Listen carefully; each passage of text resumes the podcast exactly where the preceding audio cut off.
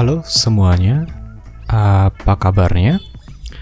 Kayaknya udah lewat dua bulan yang lalu ya sejak episode terakhirnya di Tumble Tipsy di update dan kami mohon maaf untuk itu karena beberapa bulan ke belakang ini adalah bulan yang cukup padat untuk saya dan Widya banyak yang harus dikerjakan dulu sehingga ya terpaksa sih podcastnya di postpone dulu gitu dan kali ini saya recordnya sendirian aja karena si Widya sudah balik ke kampung halaman sudah balik ke rumahnya dan kami belum menyiapkan set untuk remote recording jadi ya saya yang isi sendiri dulu gitu.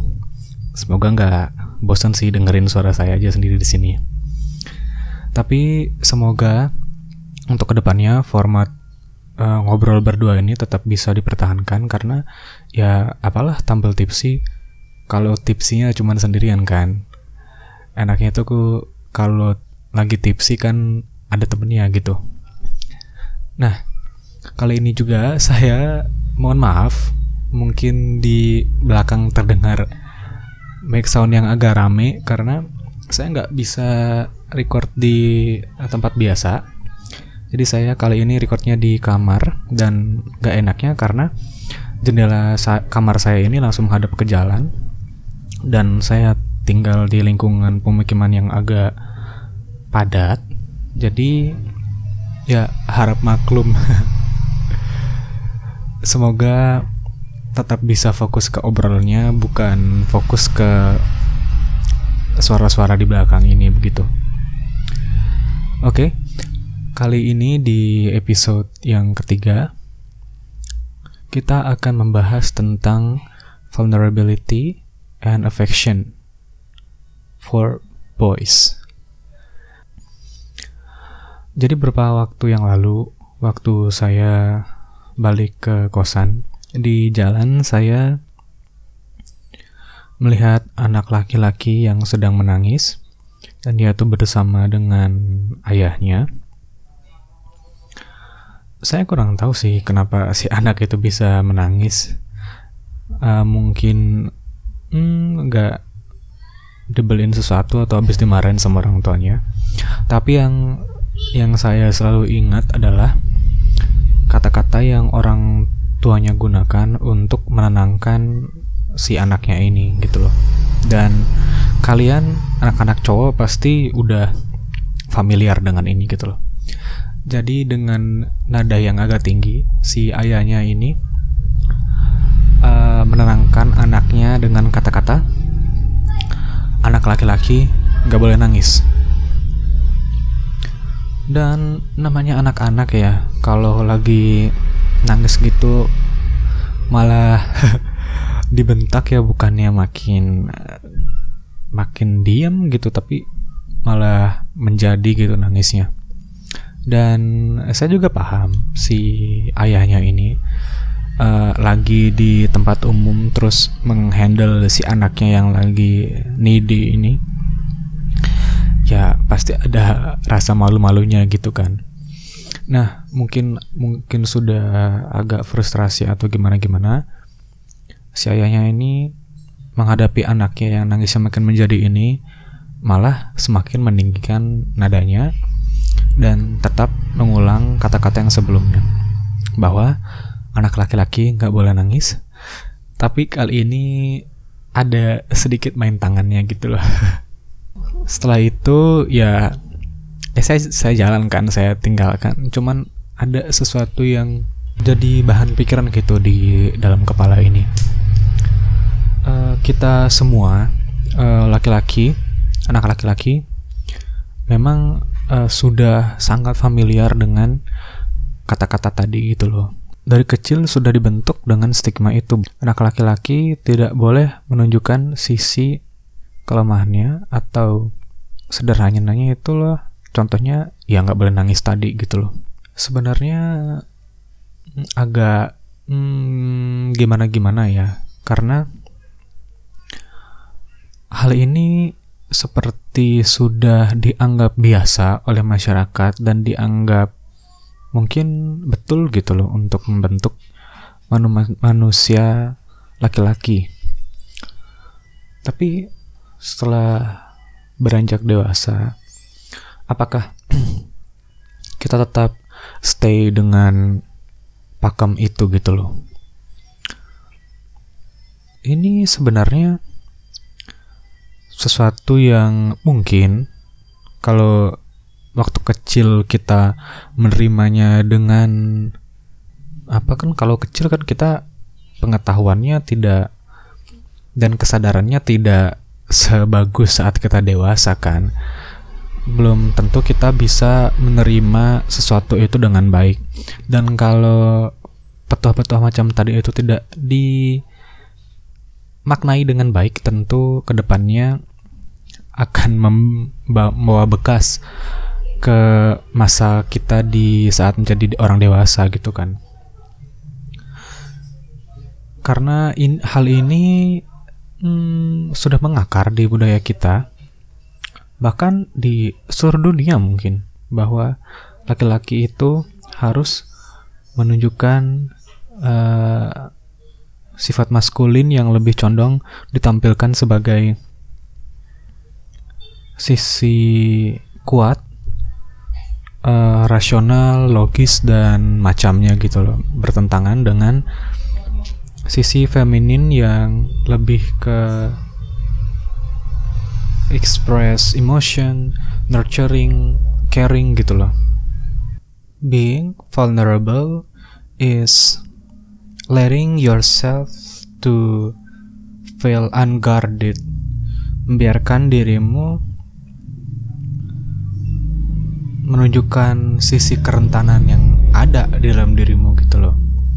Vulnerability di sini adalah tentang kerentanan psikis dan kerentanan psikis itu adalah hal yang normal dan dimiliki oleh manusia gitu loh terlepas dari seksnya. Entah itu laki-laki atau perempuan. Jadi sebenarnya normal aja bukan normal sih. Memang kita punya kerentanan itu gitu loh.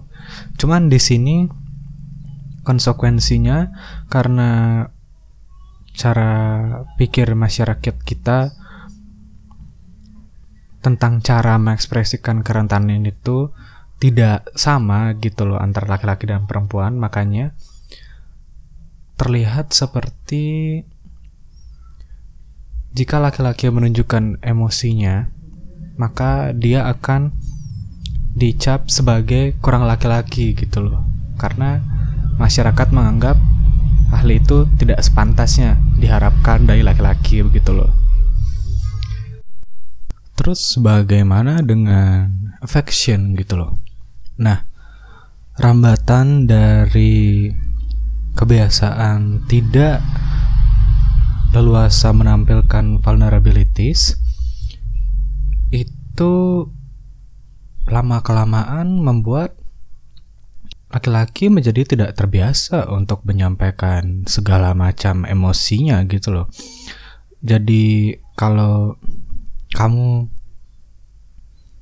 memiliki affection ke seseorang, kamu jadi agak canggung menampilkan itu karena kita sudah terbiasa dididik untuk menyembunyikan itu gitu loh, menyembunyikan emosi.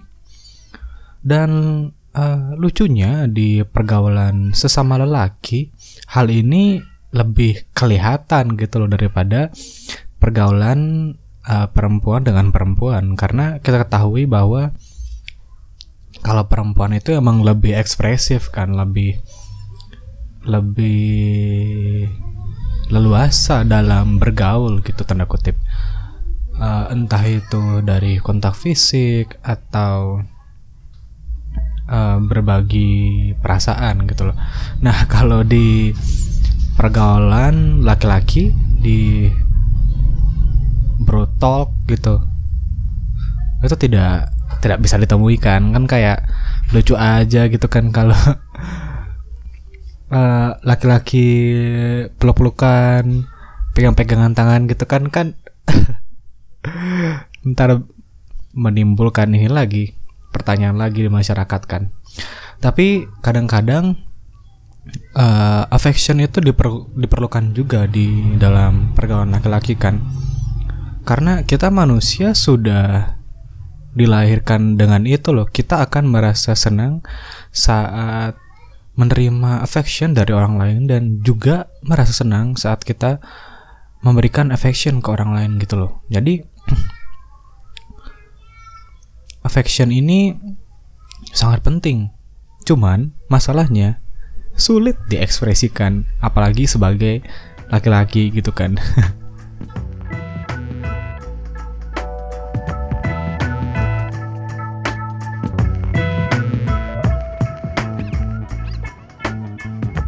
Oke, sekarang masuk ke bagian kenapa vulnerabilities dan affections ini harus kita pikirkan gitu loh.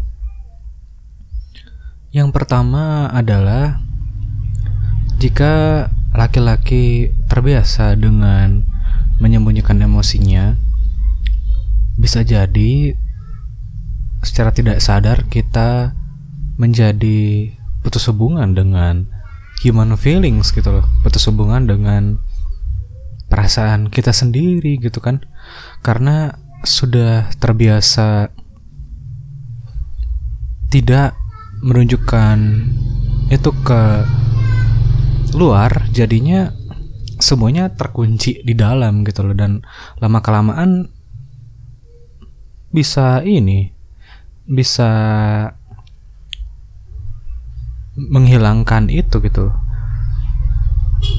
hmm, mungkin ini kali ya yang kadang-kadang uh, cewek-cewek bilang kalau laki-laki itu aku lah dingin lah. Mungkin karena ini kali ya karena disconnect dengan human feelingsnya gitu. Dan kalau dipandang dari kesehatan jiwa saya yakin sih 90% bilang ini nggak sehat gitu kan. Karena kita menyembunyikan jati diri kita jadinya kan gitu terus yang kedua menurut Zen practices uh, the joy of being the joy of being human gitu loh uh, setiap manusia itu sebenarnya dilahirkan dengan sisi maskulin dan feminin secara bersamaan dalam dirinya. Jadi uh, tidak ada sih manusia yang benar-benar lahir dengan full sisi maskulin atau full dengan sisi feminin saja gitu loh. Yang membuat kita unik itu karena uh, dua kualitas ini proporsinya beda-beda tiap orang begitu bukan pure gitu satu kualitas saja gitu dan dengan memandang bahwa kita dilahirkan dengan masculine dan feminin secara bersamaan seharusnya kita nggak nggak harus gila kan dengan maskulinitas itu gitu kan atau sangat anti dengan feminisme gitu. Karena kita dilahirkan dengan dua-duanya itu.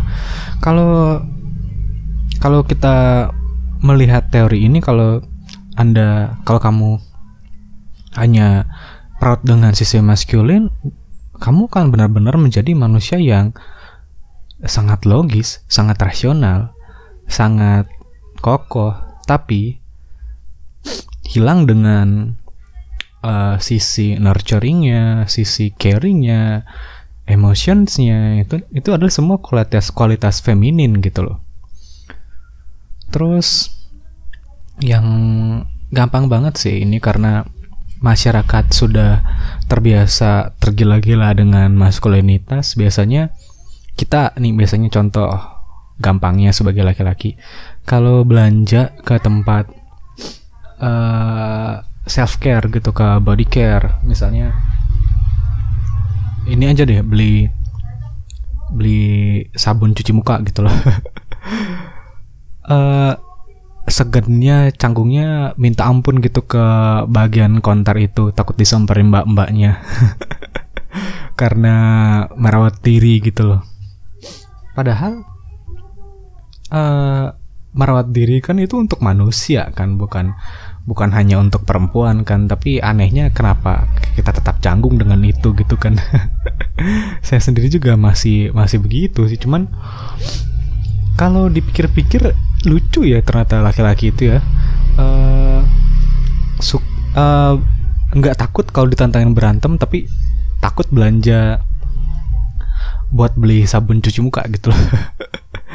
Segennya kayak uh, ketakutan mau beli alat kontrasepsi di Indomaret gitu loh. Uh, apa tadi? Oh ya jadi nggak uh, jangan terlalu tergila-gila dengan maskulinitas gitu loh. Kita juga sebagai laki-laki harus uh, perlahan-lahan merangkul sisi feminin kita yang ada di dalam diri gitu loh. Dan ya belajar mempraktekkan dua kualitas itu gitu loh dengan baik. Terus yang ketiga adalah uh, terbiasa berbohong kepada diri sendiri saat kita merasa tidak oke okay gitu loh. Karena kita terbiasa uh, membatasi diri kita untuk mengekspresikan emosi.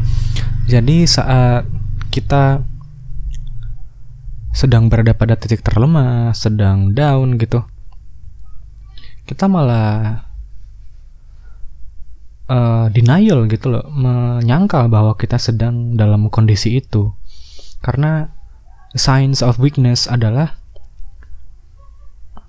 uh, sesuatu yang menunjukkan kita lemah gitu loh. Kalau kamu menganggap bahwa laki-laki tidak boleh lemah, tidak boleh vulnerable, jadinya ya begitu. Kita eh, bakal terus berbohong. Saya paham sih kalau kita sudah capek banget dijejali dengan hmm, koar-koar itu bahwa laki-laki terakhir sebagai alfa, laki-laki terakhir sebagai pelindung, laki-laki terakhir sebagai hmm, seseorang yang harus berdiri pada garis depan gitu loh. Padahal kita ya manusia gitu loh. Pada saat titik terlemah pada saat keadaan down kita membutuhkan pertolongan gitu loh. Membutuhkan bantuan membutuhkan dukungan emosional entah itu dari sesama laki-laki atau ke perempuan yang katanya harus kita lindungi gitu loh. Jadi harus ini uh, dipikirkan baik-baik sih kalau tentang hal ini. Tidak selamanya uh, kita harus menyembunyikan kelemahan kita dengan kita hmm, mengekspresikan itu, dengan kita mengomunikasikan itu, justru kita akan memperoleh jalan keluarnya kan. Terus yang keempat adalah harga diri yang di nilai dari keberhasilan dan pencapaian. Nah, kemarin saya baca sebuah artikel buat riset-riset tentang obrolan ini sih dan si penulis ini bercerita tentang bagaimana dia adalah seorang laki-laki yang ambisius, seorang laki-laki yang sangat menyukai tantangan, sangat menyukai adanya persaingan gitu loh dalam mencap mencapai berbagai macam uh, pencapaian dalam hidupnya gitu loh. Jadi pada suatu titik saat dia sudah mencapai puncak yang dianggap sebagai sukses, saat uh, tiba masa retirement, saya tiba masa pensiun, dia justru merasa kosong gitu loh, merasa sedih, merasa seperti ada yang kurang karena dia sudah berhenti bekerja gitu loh. Dia ternyata selama ini menilai uh, kebanggaan diri itu adalah dari pencapaian pekerjaan gitu loh dari sanjungan dari kesuksesan yang dia dapatkan jadi saat dia sudah pada masa pensiun yang harusnya seharusnya bahagia kan karena sudah tidak bekerja gitu. Tapi malah merasa kosong gitu. Dia merasa sedih dengan dirinya sendiri karena tidak bekerja lagi gitu loh. Dia melihat istrinya yang sama-sama masuki masa pensiun saat ini justru lebih bahagia gitu loh. Lebih tenang dengan hidupnya saat masa pensiun.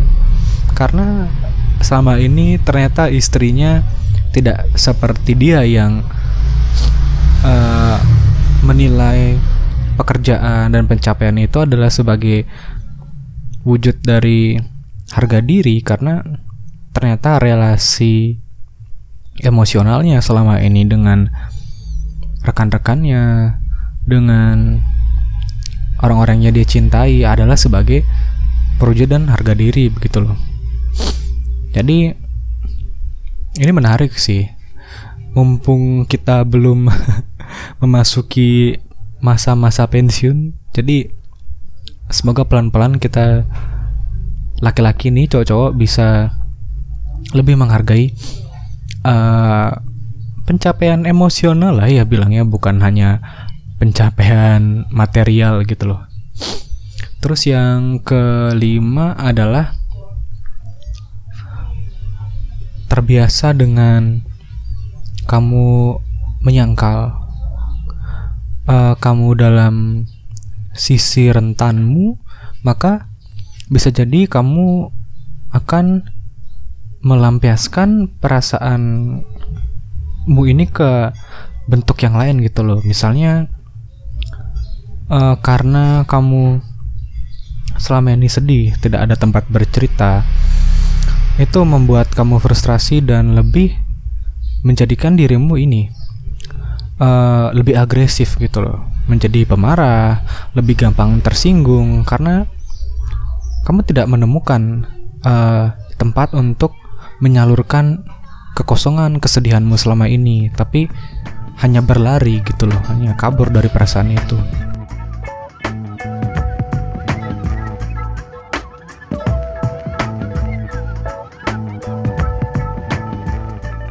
Bijak menunjukkan sisi vulnerable kita dan pandai menunjukkan affection itu akan memberikan manfaat yang cukup drastis untuk uh, hidup kita gitu. Yang pertama itu adalah tentu adalah keterbukaan, openness. Dengan terbiasanya kita merangkul sisi rentan kita dengan terbiasanya kita menunjukkan affection uh, kita akan menjadi lebih memahami apa yang ada dalam diri kita gitu loh. Apa yang terjadi di luar diri kita gitu loh. Dengan kamu lebih terbuka maka suatu saat saat kamu berada dalam sisi terentan maka kamu akan segera menemukan bantuan, segera menemukan jawaban dari itu dan dan sisi saat kamu tahu kapan saatnya menunjukkan affection dan bagaimana caranya merespon affection, maka kita akan menjadi manusia yang lebih baik begitu kan.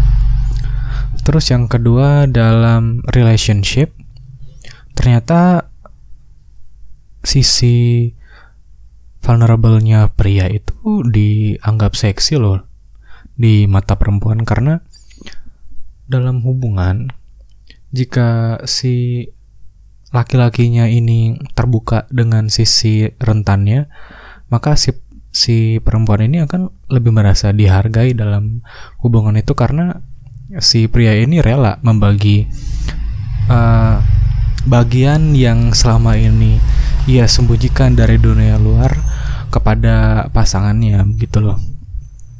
Dan vulnerability and affection ini uh, terbukti dapat meningkatkan kualitas hubungan kita loh.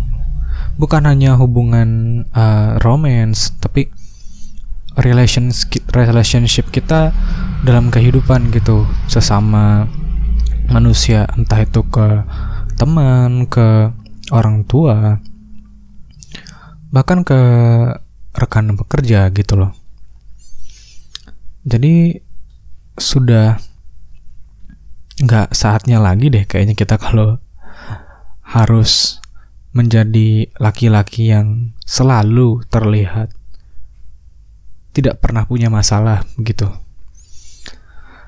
Terus yang terakhir adalah self knowledge. Yang ini sih saya tiap lihat kata-kata self knowledge ingatnya tentang ini aja deh higher self kayak udah di dunia awang-awang gitu loh tentang kesadaran tertinggi dengan acceptance about your vulnerabilities and affections itu adalah jalan untuk ya tadi self exploration, self knowledge uh, masih terkait dengan openness kan. Dengan pahamnya berbagai macam yang ada di dalam dirimu, tentu kamu akan semakin lebih mengerti dengan dirimu. Jadi tahu apa yang harus diimprove dan apa yang harus diterima apa adanya begitu loh. Dan uh, saya yakin uh, semua orang bukan hanya laki-laki saja selalu mencari tentang apa sih esensi dari diri mereka masing-masing begitu. Jadi kalau kamu pengen mengeksplor dirimu lebih jauh, ya itu, rangkullah sisi rentanmu dulu gitu.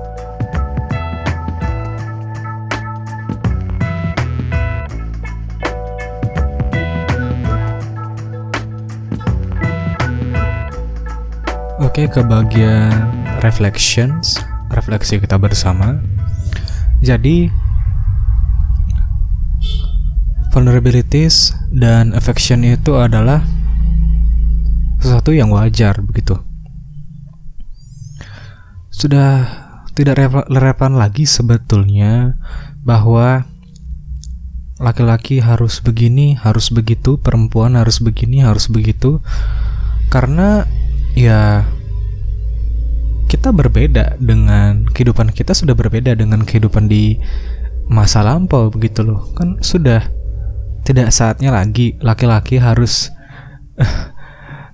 bergaya seperti gladiator dan diadu di dalam ring ditontoni dengan sorakan begitu kan dan kalau laki-laki benar-benar harus tampil ideal seperti uh, pandangan maskulinitas yang terus saja uh, dipercaya oleh masyarakat saat, saat, sampai sekarang, maka tentu tidak akan ada kan uh, puisi-puisi indah, tidak akan ada lirik-lirik lagu yang sangat menyentuh yang berasal dari laki-laki gitu loh. Banyak sekali laki-laki yang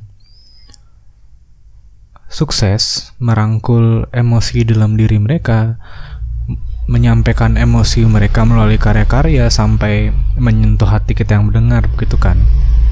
Jadi uh, jika kita putus koneksi dengan emosi kita, perasaan kita, maka tidak akan ada lagi itu seniman-seniman hebat dan pujangga-pujangga hebat yang adalah laki-laki begitu kan. Terus uh, kita selalu menganggap bahwa menjadi normal adalah yang terbaik begitu. Padahal menurut saya sendiri justru yang lebih hebat lagi itu adalah menjadi balance menjadi seimbang begitu oke saya juga berpikir dan paham bahwa kata normal itu lebih susah dimaknai sebetulnya karena normal itu kan berbeda-beda kan tiap individu memandang normal itu bagaimana. Tapi ketika ketika dilakukan menjadi normal itu lebih mudah. Kenapa lebih mudah? Karena ikuti saja apa yang kebanyakan orang lakukan di luar sana, maka Anda kan jika ikut melakukan hal itu maka akan dicap normal kan. Lain halnya dengan menjadi balance, menjadi seimbang. Kata balance itu lebih gampang dimaknai karena di mana-mana balance itu adalah seimbang kan artinya sama kanan kiri.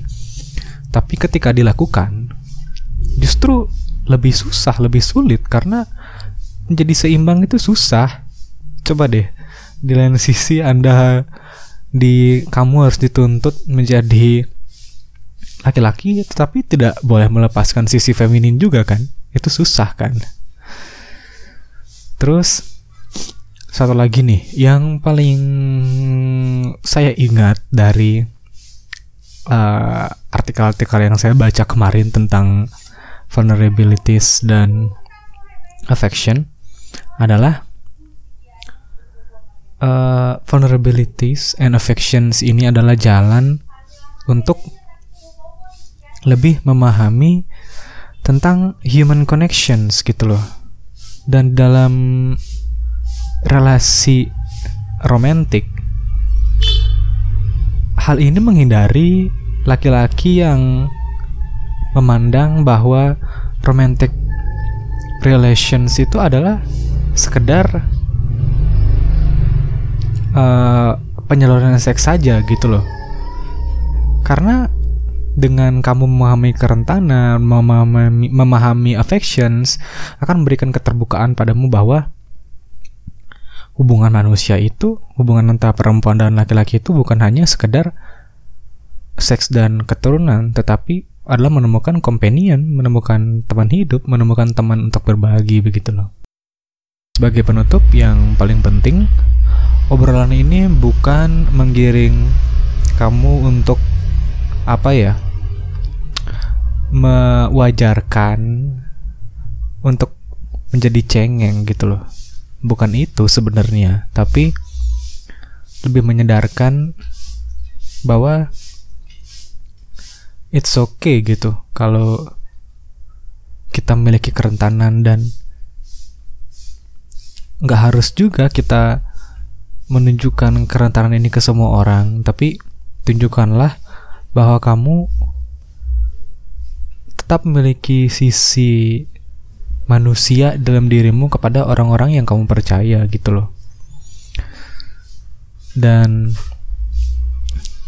kayaknya menjadi laki-laki bukan hanya sekedar worshipping the penis gitu loh, bukan sekedar itu sedangkal itu.